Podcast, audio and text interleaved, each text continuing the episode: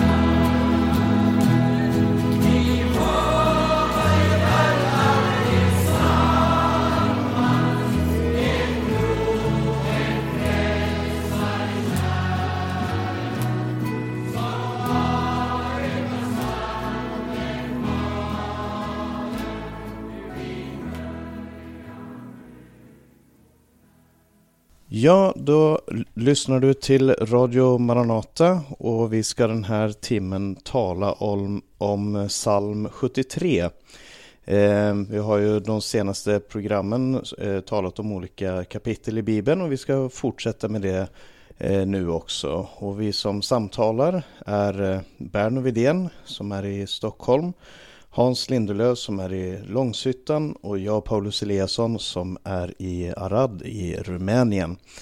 Eh, och psalm 73 det är eh, en psalm skriven av Asaf som är författare till eh, en hel del psalmer. Han har skrivit psalm 50 och psalm 73 till 83.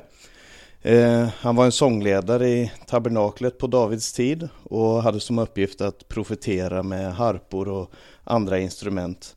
Och den här eh, salmen, hans salmer, eh, precis som de andra salmerna, är skriven med olika fokus. En del salmer är lovprisningar, det finns visdomssalmer och klagosalmer. Eh, och psalm 73 är på ett sätt alla de här sakerna. Det är en lovprisning, det är en visdom och det är en, en klagan till Gud. Eh, och Asaf går från klagan till en ny visdom och till sist så får han också prisa Gud. Och vi ska börja innan vi samtalar om den här texten eh, så ska vi börja med att läsa igenom texten. Det är alltså psalm 73, en psalm av Asaf. Gud är verkligen god mot Israel, mot dem som har rena hjärtan. Men jag var nära att snava med mina fötter, mina steg var nära att slinta.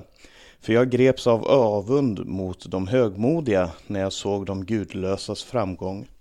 De är fria från plågor fram till sin död, deras kroppar är välnärda. De drabbas inte av mänsklig nöd, de plågas inte som andra människor. Därför är högmod i deras halsband och vålden dräkt de sveper sig i. Deras ögon kikar fram ur fettman, deras hjärtans fantasier har ingen gräns. De hånar och hotar med ondska, överlägset hotar de med förtryck. De öppnar sin mun mot himlen och deras tunga far fram på jorden. Därför vänder sig folket till dem, de suger i sig vatten i mängd. De säger, hur skulle Gud kunna veta? Den högste har väl ingen vetskap. Sådan är de gudlösa, ständigt trygga med växande rikedom. Förgäves höll jag mitt hjärta rent och tvådde mina händer i oskuld. Jag var plågad hela dagen och tuktad varje morgon. Men hade jag sagt, så tänker jag tala, då hade jag svikit dina barns släkte. Jag funderade och försökte förstå det, men det var för svårt för mig tills jag kom in i Guds helgedom och insåg deras öde. Du ställer dem på det hala, du störtar dem i fördärvet. Hur plötsligt ska de inte gå under, de förgås och får ett fruktansvärt slut. Så som en dröm är borta när man vaknar ska du, Herre, förakta dem som skuggbilder när du griper in. När mitt hjärta var bittert och det stack i mitt inre, då var jag oförnuftig och förstod ingenting. Jag var som ett djur inför dig. Men jag är alltid hos dig. Du håller mig i min högra hand. Du leder mig med ditt råd och tar sedan emot mig med ära. Vem har jag i himlen utom dig och har jag dig söker jag inget på jorden. När min kropp och mitt hjärta ger upp är min Gud mitt hjärtas klippa och min lott för evigt. De som är fjärran från dig går under, du förgör alla som är otrogna mot dig. Men för mig är det gott att vara nära Gud. Jag tar min tillflykt till Herren Gud för att förkunna alla dina gärningar. Amen. Och jag börjar med att säga någonting här om Asaf, hans uppgift. Det han tjänade, eh, där han tjänade i templet eller i tabernaklet som det var på den tiden. Eh, och jag vet inte om, om, till exempel du Hans vill fylla i någonting här om, om början av den här salmen och vem Asaf är och vad det är han påstår om eh, Gud. Ja, Asaf, han var en av de som eh, faktiskt David tillsatte att eh, göra tjänst inför Herrens ark. Och eh, det här tror jag vi kan läsa om i krönikeböckerna någonstans. Om det är 16 kapitlet i första eller andra krönikeboken. Men det, det står också om att Asafs söner hade den här uppgiften att prisa, att lova Gud. Asafs söner står det var utrustade med profetisk ande. De hade gått i skola hos Asaf, för den här salmen den är verkligen profetisk. Eh, det, det är ju mitt intryck. Ja, han, han börjar med att säga här att Gud är verkligen god mot Israel. För mig känns det som att han börjar med, med konklusionen. Eller han kanske börjar med en sån här sak som, som är lätt att säga, som är lätt att påstå. Gud är god mot Israel, Gud är god. Det, det säger vi som kristna och troende väldigt ofta. Eh, men men han, han möter en, en, eh, ett motstånd mot det här påståendet i, i eh, den här texten. Och kanske du Berno vill, vill börja med att och berätta för oss vad, vad är det som, som tar emot här i början av, av texten? Ja, när man läser den här salmen och andra salmer av Asaf så ser man ju att han tvivlar ju inte på Gud. Men däremot riktar han förmodligen tvivel mot sig själv, mot sin egen ställning, kanske mot sitt eget sätt att tänka och så vidare. Så kommer han till konklusionen att Gud, han är den han är. Han är verkligen god mot Israel. Och eh, där kan man inte se något tvivel. Utan snarare tvärtom uppmaningar att hålla fast vid hans löften, hålla fast och se till att ha ett rent hjärta, ett frimodigt, eh, eh, en frimodig ande skulle jag säga och ja, leva i det, det förhållandet till Gud. Men eh, tvivlet, det tror jag man ska rikta mot sig själv i den här uppgörelsen då med Gud som är den enda helige, den enda rättfärdige. Ja, precis. Han, han börjar att säga här att jag var nära att snava med mina fötter, mina steg var nära att slinta. Och jag var ute och gick här i, igår och, och jag var ute och gick med hunden och, och så tänkte jag på den här salmen och, Eh, och lite om det vi skulle samtala om idag. Och så när jag gick ner för gatan här så höll grannen på att packa in och grejer i sin bil. Eh, och det, såg lite, var lite märkliga saker så jag, jag, tittade lite på vad det var de packade in. Och naturligtvis medan jag gick åt ett håll och tittade åt ett annat håll så var det en sten i vägen. Och jag, eh, det låter som, som en, en predikanthistoria som man hittar på men jag snubblade rakt över den här stenen. För att jag tittade på vad andra höll på med. Eh, och, och, det känns lite som att det är just det Asaf nämner här. Jag var nära att snava med mina fötter, mina steg var nära att slinta, för jag greps av avund mot de högmodiga när jag såg de gudlösas framgång. Eh, och den här avunden den kommer han ju tillbaka till och han, han nämner också att den övergår i, i bitterhet. Han, han fokuserar på, på de gudlösa. Och jag, jag får fråga er, eh, får svara om, om, eh, om ni känner för det. Vilka är de här gudlösa? Vad är det för karaktäristik han, han ger de här gudlösa? Vad är det för slags människor eller företeelser? Eh, själva frågeställningen skulle jag vilja då, att vi, vi kan konstatera när vi läser just den här. Jag upptändes av avund mot det övermodiga. När jag såg att det gick dem väl i deras ogudaktighet. Det gick det ogudaktiga väl. Det här är ju en profetisk frågeställning. Den återkommer hos Jeremia. I Jeremias tolfte kapitel. Herre, om jag vill gå till rätta med dig så behåller du dock rätten. Likväl måste jag tala med dig om vad rätt är. Varför går det det ogudaktiga så väl? Varför har alla trolösa så god lycka? Och även Jobb formulerar ju det. Det står i Jobs boks 21 kapitel i vers 7. Varför får de ogudaktiga leva, ja med åldern växa till i rikedom? Och eh, eh, ja, du frågar vilka de är. Han beskriver ju de här ganska så, ganska så, eh, ja, han, han liksom verkligen går in för att framställa de ogudaktiga. Och, men så gör han, det som jag observerar det är alltså att han jämför dem inte i första hand med någon, med någon så att säga med de gudfruktiga. Han jämför dem med människor i allmänhet. Det kommer icke olycka såsom andra dödliga och blir icke plågade såsom andra människor. Eh, jag eh, förstår saken om att här, här finns det profetiska. Här finns det alltså eh, uppfattning eller begrepp eller vad ska man säga eh, om en ogudaktig elit. Eh, och det här gör att jag tror att den här salmen går mycket väl att jämföra med Uppenbarelsebokens eh, framställningar om ändens tid. Ja, jag, jag tänkte, det verkar ju som att han... Eh, eh, på, på ett sätt så verkar salmen väldigt personlig. När han, han talar om eh, liksom jag såg och jag ser de här människorna. Och sen också när han kommer fram till konklusionen så, så handlar det om jag, jag, jag. Men, men han börjar ju ändå med Gud är verkligen god mot Israel.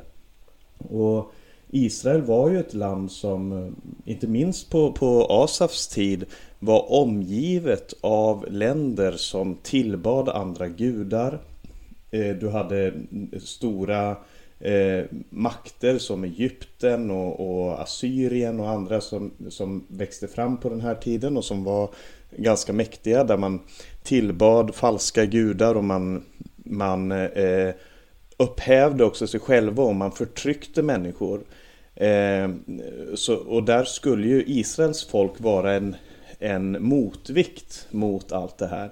Så jag tror, precis som du säger, att det, det handlar om någonting profetiskt. Det kan, man kan tolka det här personligt. Men man kan också se på det som, som någonting som handlar om institutioner eller liksom hur hela samhället eh, är uppbyggt. Det handlar inte nödvändigtvis om, om grannen som har, har den ogudaktiga grannen som har fått en ny bil eh, och, och, som väcker hans avundsjuka. Men, men det handlar om någonting grundläggande hos eh, människor.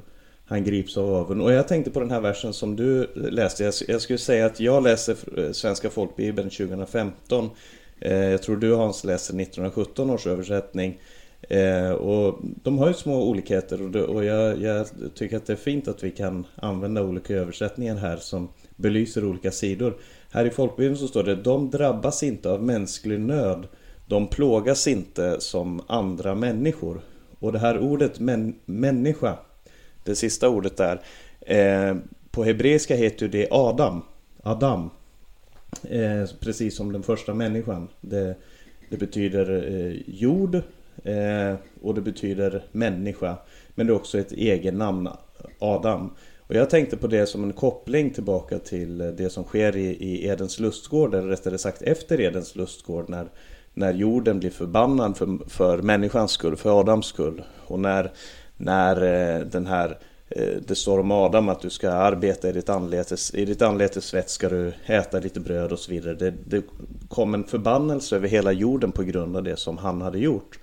Eh, och, och, så tolkar jag den här versen, eller läser den här versen som det, som det då står De drabbas inte av mänsklig nöd, de plågas inte som Adam. Alltså de, det verkar som att vissa människor eh, kringgår eh, det här som, som eh, drabbade Adam för att de, de klarar att, att förtrycka andra människor, förtrycka eh, hela samhällen förtrycka så många människor att de själva kan leva utan bekymmer.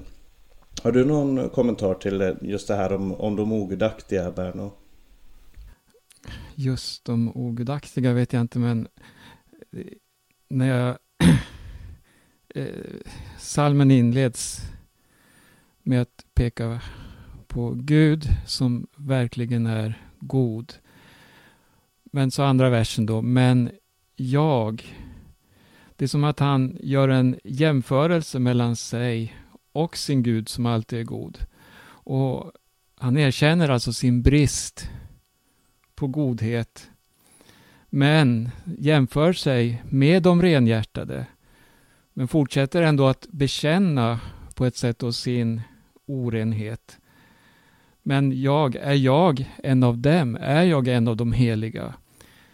Och eh, då kommer man åter till det här att, eh, att eh, det, det, det, det finns en nödvändighet kanske av att befrias från sig själv, befrias från det här mänskliga sättet att tänka, från det här världsliga och, och jämföra sig med allt och alla det som hör världen till, framgång till och så vidare.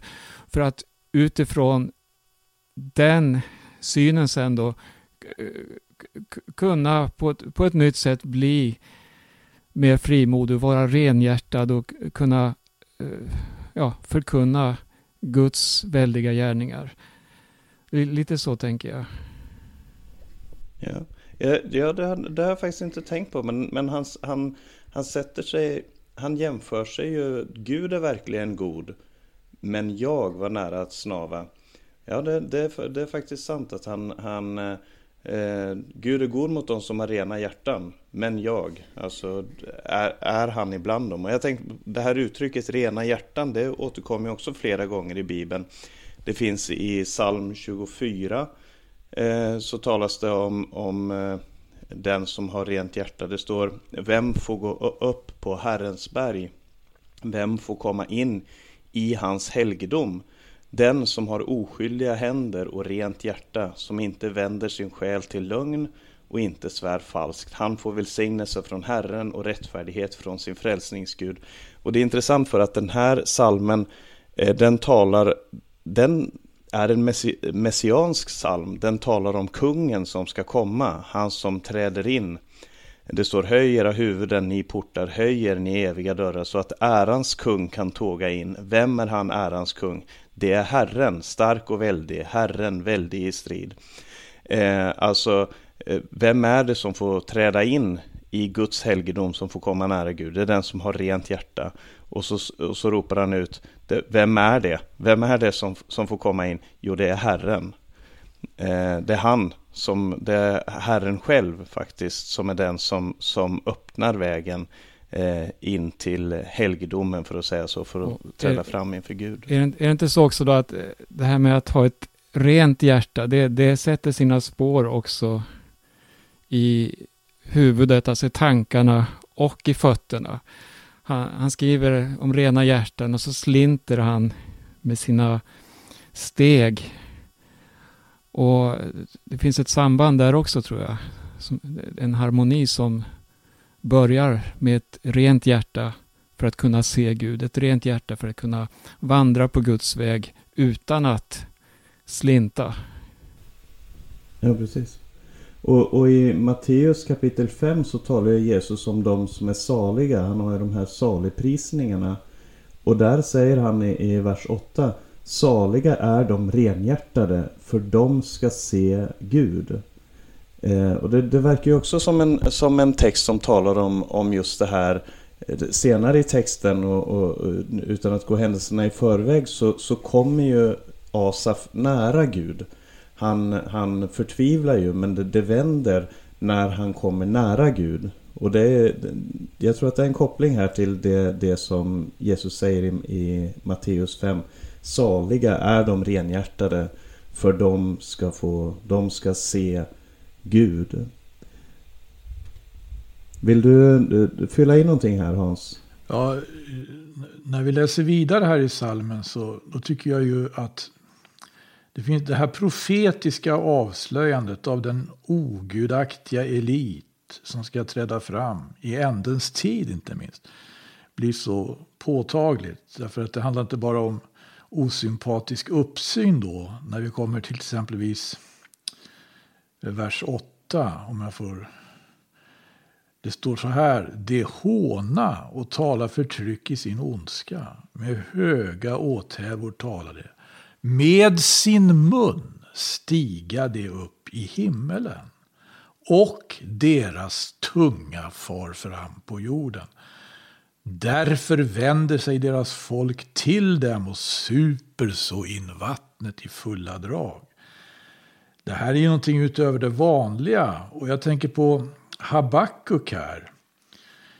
Eh, Habakuk som profeterar om, om Babel. Och eh, det heter i Habakuks andra kapitel i vers 4. Se, uppblåst och orättrådig är dennes själ i honom. Men den rättfärdige ska leva genom sin tro. Ty så som vinet icke är att lita på, så ska denne övermodige ej bestå. Om han och spärrar upp sitt gap såsom dödsriket och är omättlig såsom döden om han och har församlat till sig alla folk och hämtat tillhopa till sig alla folkslag. Det här handlar om Babels konung. Men vi kan också se att det finns en parallell i Uppenbarelsebokens trettonde kapitel där det står om det vilddjur som får en mun sig given som ska tala stora ord och vad hädiskt är och som ska göra så i 42 månader. Och det här kommer inte att lämna någon oberörd utan hela världen kommer att dras med. Därför så uppfattar jag den här salmen som verkligen en profetisk psalm och går mycket bra att jämföra med Uppenbarelsebokens trettonde kapitel. Men eh, det, ja, kanske inte ska skynda fram här. Vi hade andra mycket allvarliga beaktanden som från, från bergspredikan och så. Jämförelsen med saligprisningarna, helt rätt. Jag, jag tänker på att eh, han talar, när, när Asaf talar om de ogudaktiga så säger han att de eh, eh så talar han om ett högmod, precis som du läste här Hans, där de, de eh, som, de är trygga och, och de öppnar sin mun mot himmelen. De, du läser här i min översättning så de hånar och hotar med ondska, överlägset hotar de med förtryck. De öppnar sin mun mot himlen och deras tunga far fram på jorden. Eh, det, finns ett, det finns en rikedom eller en framgång hos de, här, eh, hos eh, de människorna som leder till ett högmod som i sin tur leder till förtryck. Men det som kanske är Asafs stora problem är att hans olycka, för han, han talar om det, att, att han, han själv Eh, han säger, förgäves höll jag mitt hjärta rent och tvådde mina händer i oskuld. Jag var plågad hela dagen och tuktad varje morgon. Eh, hans olycka ledde honom till avundsjuka, som, eller avund, som sedan ledde honom till bitterhet, säger han, han i vers 21, så talar han om, om bitterhet. Och jag undrar om inte det väldigt ofta är så, om man, om man ska tala på ett personligt plan, att när man har framgång så leder det till högmod och att man tycker att man själv är, är bättre än andra människor. Och när saker och ting går illa så leder det till avund mot dem som, som, eh, som har det bättre. Och det i sin tur leder till bitterhet mot Gud, mot människor, mot man, och, man, och man hamnar Oavsett så hamnar man långt borta ifrån Gud om det är för att man förtrycker andra eller om det är för att man är bitter och, och avundsjuk mot eh, andra. Och, och, det, det, och det, allt det där leder till människans fall. Alltså i, i, i vers 2 så säger Asaf att han höll på att falla. Eh, och senare i texten så talar han om att de, de högmodiga, de som han talade om när han när han fick eh, perspektiv på saker och ting så står det du ställer dem på det hala. Du störtar dem ner i fördärvet. Och det tror jag inte är Guds mål för, för någon av oss. Jag tror inte det är Guds tanke för, för någon människa att vi, ska, att vi ska falla. Men den här texten är med på att hjälpa oss att få visdom och få eh, det rätta perspektivet på tingen här i, här i livet. Det, det, är det som är så riktigt med den här psalmförfattaren på något sätt. Därför att alltså, han presenterar ju inte sig själv som något, så att säga, eh, att han reagerar på ett idealiskt sätt. Han, han skildrar, beskriver ju sin egen ofullkomlighet här. Och hur han, eh, hur han helt enkelt han dukar under för, för, för sina eh, så att säga, sämre om man säger, sidor då, sitt sätt att, att reagera. Får jag flika in här bara? Jag tror att ja. precis så här att, eh, som vi läste, att han såg, och vad såg han? Jo, han såg att det gick dem väl. Alltså han hade blicken alldeles för mycket riktad på deras nuvarande ställning. Men han glömde att se på deras framtid. Och det står ju längre fram här också i sjätte versen. Därför är högmod deras halsband och våld den dräkt som de svep, sveper sig i. De är alltså så stora i sitt eget omdöme, som om de vore herrar och så vidare. De behöver inget annat än sitt prål, alltså än det de har. Men eh, det, det, saknades ju här blicken framåt och, och det är det här som eh, Asaf bekänner. Han, han, han, han liksom blottar sig på något sätt.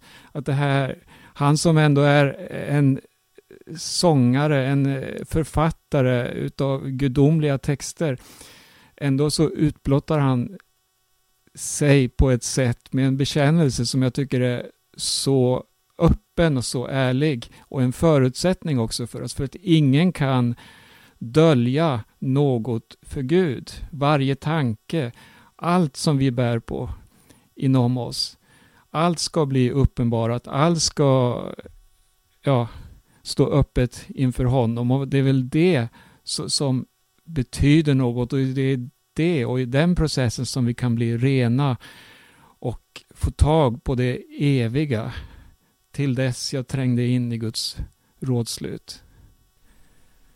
Ja, precis. Ja, du citerar där eh, vers 17. Tills jag kom in i, i Guds helgedom och insåg deras öde. För i vers 16 så säger han, jag funderade och försökte förstå det, men det var för svårt för mig står det i den här översättningen.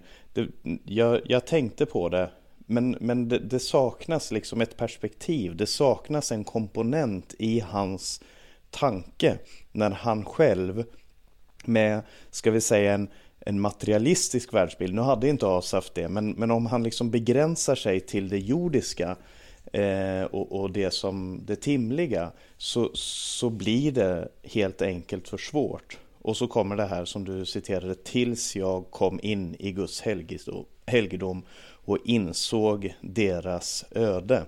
Jag, jag eh, eh, när, jag, när jag läste om det här så var det en eh, kom, kommentar bara som en, som en hade skrivit angående den här salmen och han sa Remember the future. Kom ihåg framtiden. Och det var hans, hans perspektiv på den här texten att att eh, eh, Gud i Guds närhet så får Asaf se framtiden. Och det handlar inte bara om att ja, ja, det kommer säkert, säkert lösa sig en, en vacker dag eller det kan inte gå bra för dem hela tiden. För att han säger tidigare i texten att hela sitt liv har de det bra, hela sitt liv har de framgång. Men det finns en framtid, det finns, en, det finns någonting bortom, precis som du sa här Berno, det handlar om om eh, evigheten, att ha evigheten som eh, perspektiv. Och, och, just den här versen, eh, vers 17, eh, den är som en vattendelare. Jag tycker det är den viktigaste versen i hela salmen. För det, det är som att tränga in bakom förlåten, alltså bakom det här som skiljer människan ifrån Gud. Och när vi får tränga in i det allra heligaste. Och här förs våra tankar till försoningen. För förlåten som skilde människan från Gud, den revs uppifrån och ner. Och få bort det skynket från dina tankar, från ditt liv, så kommer du att kunna tränga in i hans helgedom och inse hur förgängligt allting är. Men du kommer också få se att det finns en annan värld, ett annat liv att satsa på som, som har så stora värden och ja, värden som aldrig någonsin kommer att förgås. Och då, då har vi ju bergspredikan igen. Samla dina skatter i himlen. Inte på jorden där mått och mal förstöra, men i himlen där inga tjuvar kommer in. Ingenting blir förstört, utan och vad, vad, är det då vi ska se på? Vad är det vi ska satsa på? Vad är det vi ska leva för? Hur ska vi göra med våra liv? Ska vi göra som Asaf här, eh, fyllas av avund när vi ser hur det går väl för vissa, men som inte har då den här insynen eller ska vi låta oss fyllas så att vi blir ännu mer främlingar för det jordiska och fylls av kärlek för det tillkommande? Herren kommer och, och, och dessa eviga ting. Det är min bön att vi, att vi får vara så fria från oss själva så att vi kan leva i Guds helgedom in bakom förlåten. Hans. Bergs, bergspredikan aktualiseras ju också på det viset tycker jag. När vi kommer till vers 17 här. Ja. Till dess jag trängde in i Guds helgedom läser ni i, i, i med, med folkbibeln och det är nog det riktiga det. Till dess i Guds heliga rådslut har vi 1917, men jag tror Guds helgedom stämmer bättre. Till dess jag trängde in i Guds helgedom och aktade på deras ände. Alltså, då är det ju frågan om vad man har för grund, vad man står på. Vad har man för mark under fötterna? Och det är ju det här som också Jesus är allvarlig med i slutet av bergspredikan. Alltså den som hör dessa mina ord och gör efter dem, vem är han lik? Han är lik en man som byggde ett hus och som byggde det på Hälleberget, på, på den fasta klippgrunden. Den som hör däremot och inte gör, vem är han lik? Han är lik en som byggde ett hus på sanden. Det är ju just vilken grund man har, vilken mark man har. Har man fast mark eller fasta klippan under sina fötter eller slipprig mark? Mm. Hans eh, tidigare översättningar har också, alltså de som var före 1917, de använder också Guds helgedom. Ja, just det. Nej, och jag tänker att det är väl någonting av det här som världslig politik alltid handlar om. Eh, där man, eller ska vi säga gudlös politik alltid handlar om antingen att man hamnar på den sidan där man ska ivarata sina egna intressen gentemot andra, där man blir förtryckare, där man talar mot Gud, där man föraktar Gud, där man upphäver sig själv, eh, Eh, deras tunga far fram på jorden. Eller att man hamnar då i den revolutionära motrörelsen som, som säger att det här är inte rätt, det här, så här ska det inte vara. Eh, vi, vi, och så fylls man av, av bitterhet eller eh, revolutionskraft eller vad det kan vara för någonting. Och med det inte sagt att det ena eller andra i en given situation eh, nödvändigtvis är fel. Men, men det saknar helt klart en del av verkligheten och det är det, är det som eh, man får då man går in i Guds hel helgedom där man kommer nära Gud. Och det verkar som att den sista biten av den här texten, framförallt från vers 23, de sista verserna 23 till 28, handlar just om det här att, att komma nära Gud, att eh, träda närmare honom. Eh, och jag, jag, tror ju att eh, att den här närheten till Gud, det är någonting av svaret på vad allt det här handlar om. Alltså, eh, du nämnde här Hans om, om bergspredikan och Jesus som talar om att den som hör dessa mina ord och gör efter dem, han liknar en vis man som byggde sitt hus på klippan. Eh, och den som, hör mina, den som hör dessa ord och inte gör efter dem är lik en man som byggde sitt hus på sanden. Och i den här texten så talas det om de som, de som faller, antingen för att de eh, har, grips, grips av sån bitterhet att de, att de tvivlar på Guds godhet. Eller att de grips av sånt människoförakt att de hånar Gud. Eh, och, och, och, och, båda de kommer, kommer falla, allt det kommer falla. Eh, I Hebreerbrevet så står det att eh, än en gång ska jag få inte bara himlen utan också, inte bara jorden utan också himlen att skaka. Men så säger han, men då vi nu ärver ett rike som inte kan skakas. Vi har fått ett rike som inte kan, till sin natur, inte kan skakas. Det, jag, känner att, jag tycker att det är olika sätt att uttrycka samma tanke. Komma nära Gud, komma in i helgedomen eh, träda närmare honom eller att bygga sitt hus på klippan, det här riket som inte kan skaka, den bönen som vi ber, komme ditt rike, ske din vilja så som i himlen, så och på jorden. Att det handlar om och, och, bygga upp den här närheten till Gud. Och jag tror det var ju det som Gud skapade människan för, att man skulle komma närmare Gud. Och jag tycker att den här versen också är så fantastisk när han säger Men jag är alltid hos dig. Du håller mig i min högra hand. Du leder mig med ditt råd och tar sedan emot mig med ära. Han, den här närheten byggs gång på gång och så till slut det här hoppet om att se fram emot att möta Gud och möta hans ära. Vem har jag i himlen utom dig? Och har jag dig, då söker jag inget här på jorden. Eh, helt plötsligt så, så försvinner alla andra saker. Vi har den här sången Fäst dina ögon på Jesus, se in i verkligheten själv. Alla ting runt omkring smälter bort som snö i ljuset av hans ära och makt. Och mm, jag vet inte, vill ni fylla i någonting här om, om just det här att komma nära Gud, vad det, vad det har för betydelse för en människa? Ordet är ju förbliver i vers 23. Dock förbliver jag, städse hos dig. Jesus eh, talar i Johannes evangeliet om att förbliva i honom. I Johannes evangeliets 15 kapitel där han eh, talar om vinträdet.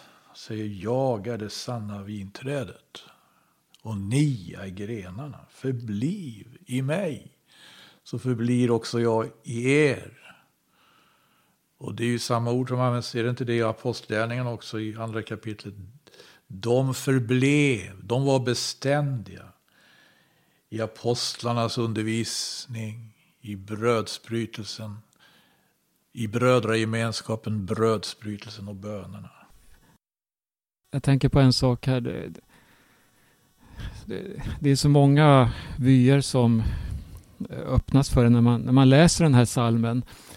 Och den är verkligen profetisk. Det finns ett budskap i Uppenbarelseboken där det står om hur dess rikedom och alla affärsmän och hela den här världsmarknaden på en timme ska gå i fördärvet. Den ska upphöra. Det ska... Ja, folk kommer att stå där. Och, och, och det här, sånt här ser vi ju eh, små, små exempel på också i våra dagar. Hur, hur, hur eh, förgängligt och hur, hur, hur svagt allting är. Men, men Asaf skriver här, hur plötsligt ska de inte gå under? Och det här gör att eh, man tänker också på Daniel och den eh, syn som kung Nebukadnessar hade. Hur Daniel eh, förklarar för honom. Det spelar ingen roll hur stort, hur vackert, hur mäktigt rike det är. Men det kommer någonting som är mycket större. Det kommer någonting som är mycket eh, kraftigare. En sten blev lösriven, inte av människohand, utan, utan det var Gud själv. Och landade på foten då på den här statyn så, som eh, förebildade alla världsrikena. Och i ett nu så upplöstes de. Det, det, det är det bestående av den här världen. Men istället så växte det fram ett rike som är evigt, som aldrig någonsin ska vackla. Och ja, Det finns många sådana här tankar som, som, som eh, inspireras av den här salmen. Att få se in i Guds rådslut och ha himlen, ha honom. Ja, precis. Och den sista versen här, den, den säger ju eh, eh, Men för mig är det gott att, allt, eh, att vara nära Gud. Jag tar min tillflykt till Herren Gud för att förkunna alla dina gärningar. Och jag läser den också från 1917. Men jag har min glädje i att hålla mig in till Gud. Jag söker min tillflykt hos Herren, Herren, för att kunna förtälja alla dina gärningar. Men min glädje, säger Asaf när han kommer fram till konklusionen, när han har kommit in i Guds närhet och han får säga det här eh, Vem har jag i himlen utom dig? Och har jag dig, då söker jag inget på jord. Så säger han, för mig är det gott att vara nära Gud. Och jag tror att det är eh, helgelsens mål. När vi upplever att det bästa för mig, och när vi verkligen lever efter det, det bästa för mig, det är att vara nära Gud då kommer inte synden vara ett problem om vi begär närheten till Gud. Om det är vårt begär, närheten till Gud, då, då kommer inte synden vara ett problem. Det, var, det som var problemet för Adam och Eva från början, det var att man trodde att Gud undanhöll någonting från dem. Det här, den här frukten här, den ska göra dig lik Gud. Gud vill inte att du ska bli som han. Men om du äter av den här frukten så ska ni bli som gudar och ni ska kunna skilja mellan gott och ont. Jaha, är det någonting som Gud håller borta från mig? Och så vågar man inte lita på Guds godhet emot dem. Man vågar inte lita på att Gud verkligen ville de gott och, och gjorde gott för dem. Men man tog av den här frukten. Och det handlar ju all synd handlar om att inte lita på Gud. När folk söker sin tillfredsställelse, i, i, i, i eh, rikedom, i våld, i, eh, eh i sexuella relationer, Eh, i alla de här olika sakerna. När man söker sin tillfredsställelse i någonting annat än Gud så handlar det om att man litar inte på att Gud ska vara allt det man behöver. Men när man kan säga som Asaf, men för mig är det gott att vara nära Gud då, då tror jag att vi, vi har nått det som Gud önskar att vi ska uppnå. Och vi har ju citerat här flera gånger från Johannes uppenbarelse. Och jag skulle vilja citera en vers till som jag tror har en koppling till, till just det här. För mig är det gott att vara nära Gud. När man kommer till det 21 kapitlet och han ser en ny himmel och en ny jord. Den första himlen och den första jorden var borta och havet fanns inte mer. Och jag såg den heliga staden, den nya Jerusalem, komma ner från himlen från Gud, redo som en brud som är smyckad för sin man. Och jag hörde en stark röst från tronen som sa, se, nu står Guds boning bland människorna. Han ska bo hos dem och de ska vara hans folk och Gud själv ska vara hos dem och han ska torka alla tårar från deras ögon. Döden ska inte finnas mer och ingen sorg och ingen gråt och ingen plåga för det som förr var är borta och han som satt på tronen sa Se, jag gör allting nytt. Så Johannes har också det här perspektivet att det som är lycka för människan och det som också ärar Gud, det är när vi fröjdas i honom. När vi säger det är gott att vara nära Gud, då är det bra för oss, men det ärar också Gud. Han säger för att jag ska förkunna dina gärningar. Alltså det är när vi fröjdas i Gud som vi kan börja tala om vem han är. Vi kan börja fröjda, eh, vi kan eh, ära honom på det sätt som han ska äras. Jag tycker att det är en, en fantastisk eh, konklusion av den här salmen som, som rör så många olika perspektiv. Men vi kanske skulle säga någonting innan vi slutar här om, om hur man kommer in i Guds närhet. Vad har Bibeln att säga om hur en människa kan komma nära till Gud? Vill, du, vill någon av er säga någonting om det? Ja, det kom ju en man till Jesus och hade sina frågor. Det var ju Nikodemus som kom om natten. Han förstod att Jesus var en som hade kommit från Gud. Han hade bara det så klart för sig. Men var inte klar över hur skulle han själv komma till Gud. När Jesus började tala med honom om hur det skulle gå till så då undrar han ju också väldigt. Jesus talar om att bli född på nytt. Och att födas av vatten och ande. Vi har en Herrens tjänare Jakob som eh, skriver som så att eh, vad Gud har gjort för oss efter sitt eget beslut födde han oss till liv genom sanningens ord. Det är när vi lyssnar till sanningens ord, när vi tar emot det och tror på honom som har talat det. Det är då vi börjar ta stegen in i helgedomen. Mm. Amen. Vill du fylla in någonting här till sist också, Berno, om det som mm. jag har hört om evangeliet, hur vi kommer i kontakt med Gud? Mm. Eh, den här salmen som vi har tittat på idag, den lyfter verkligen fram en eh, kärnfråga hos många människor. Även bland oss kristna. Paulus skriver exempelvis om syskon han hade som hade övergivit honom av kärlek till den här världen. Och Man hade alltså fyllts just av de tingen som psalmisten eh, salmisten här varnar för. Och, och det här tror jag är, är något som eh, många behöver lyssna till och ta varning. Just förförelsen som finns i världen. Eh, vi hörde om djävulen som sa Gud har inte sagt och det, det är ett budskap som vi möter många gånger. Mycket i, inom framgångsförkunnelsen och där man ger falska föreställningar, falska bilder om vad det handlar om att följa Jesus. Men, men låt allt det där få ramla av och se till att hitta fokus, se till att få ditt hjärta uppfyllt av honom och då måste du till Golgata, då måste du in bakom förlåten och låta hans renande blod få eh, skölja igenom dig. Du får bli på det sättet en ny skapelse. Och eh, det gäller att hålla fast vid det centrala. Låta Jesus få bli allt i ditt liv.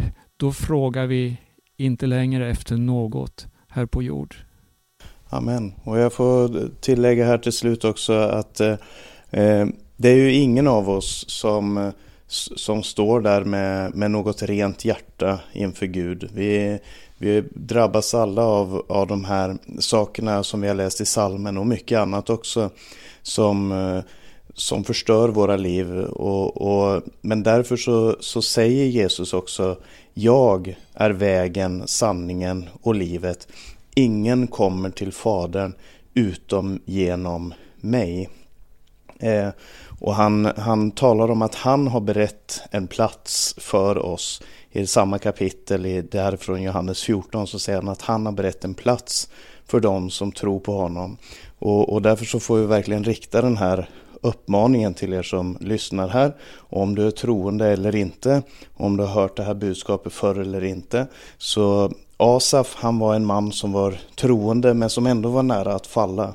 Och kanske vi också är sådana som eh, har lätt för att falla och komma, komma bort. Men, men eh, så är det det här att se på Jesus, fästa blicken på honom.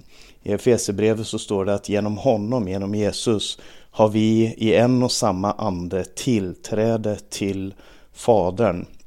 Vi har möjlighet att komma till Gud och få ett himmelskt perspektiv på livet här på jorden. Och världen kommer aldrig vara sig lik.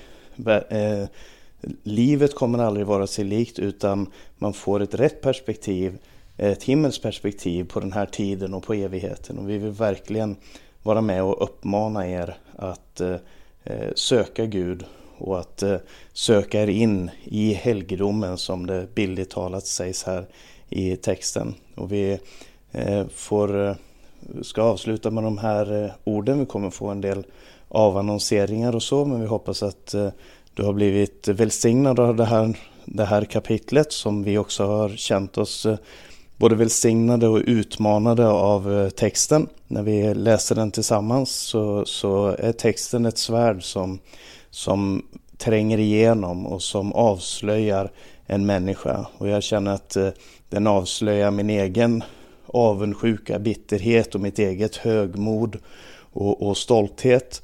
Eh, och man får verkligen söka sig närmare Gud eh, i ödmjukhet och genom Jesu Kristi fullbordade verk söka honom. Så vi eh, avslutar med de orden ifrån Jesus. Ingen kommer till Fadern utom genom mig. Gud välsigne er eh, allesammans som har lyssnat. Nu ska vi eh, få en del avannonseringar och en sång också. Hey.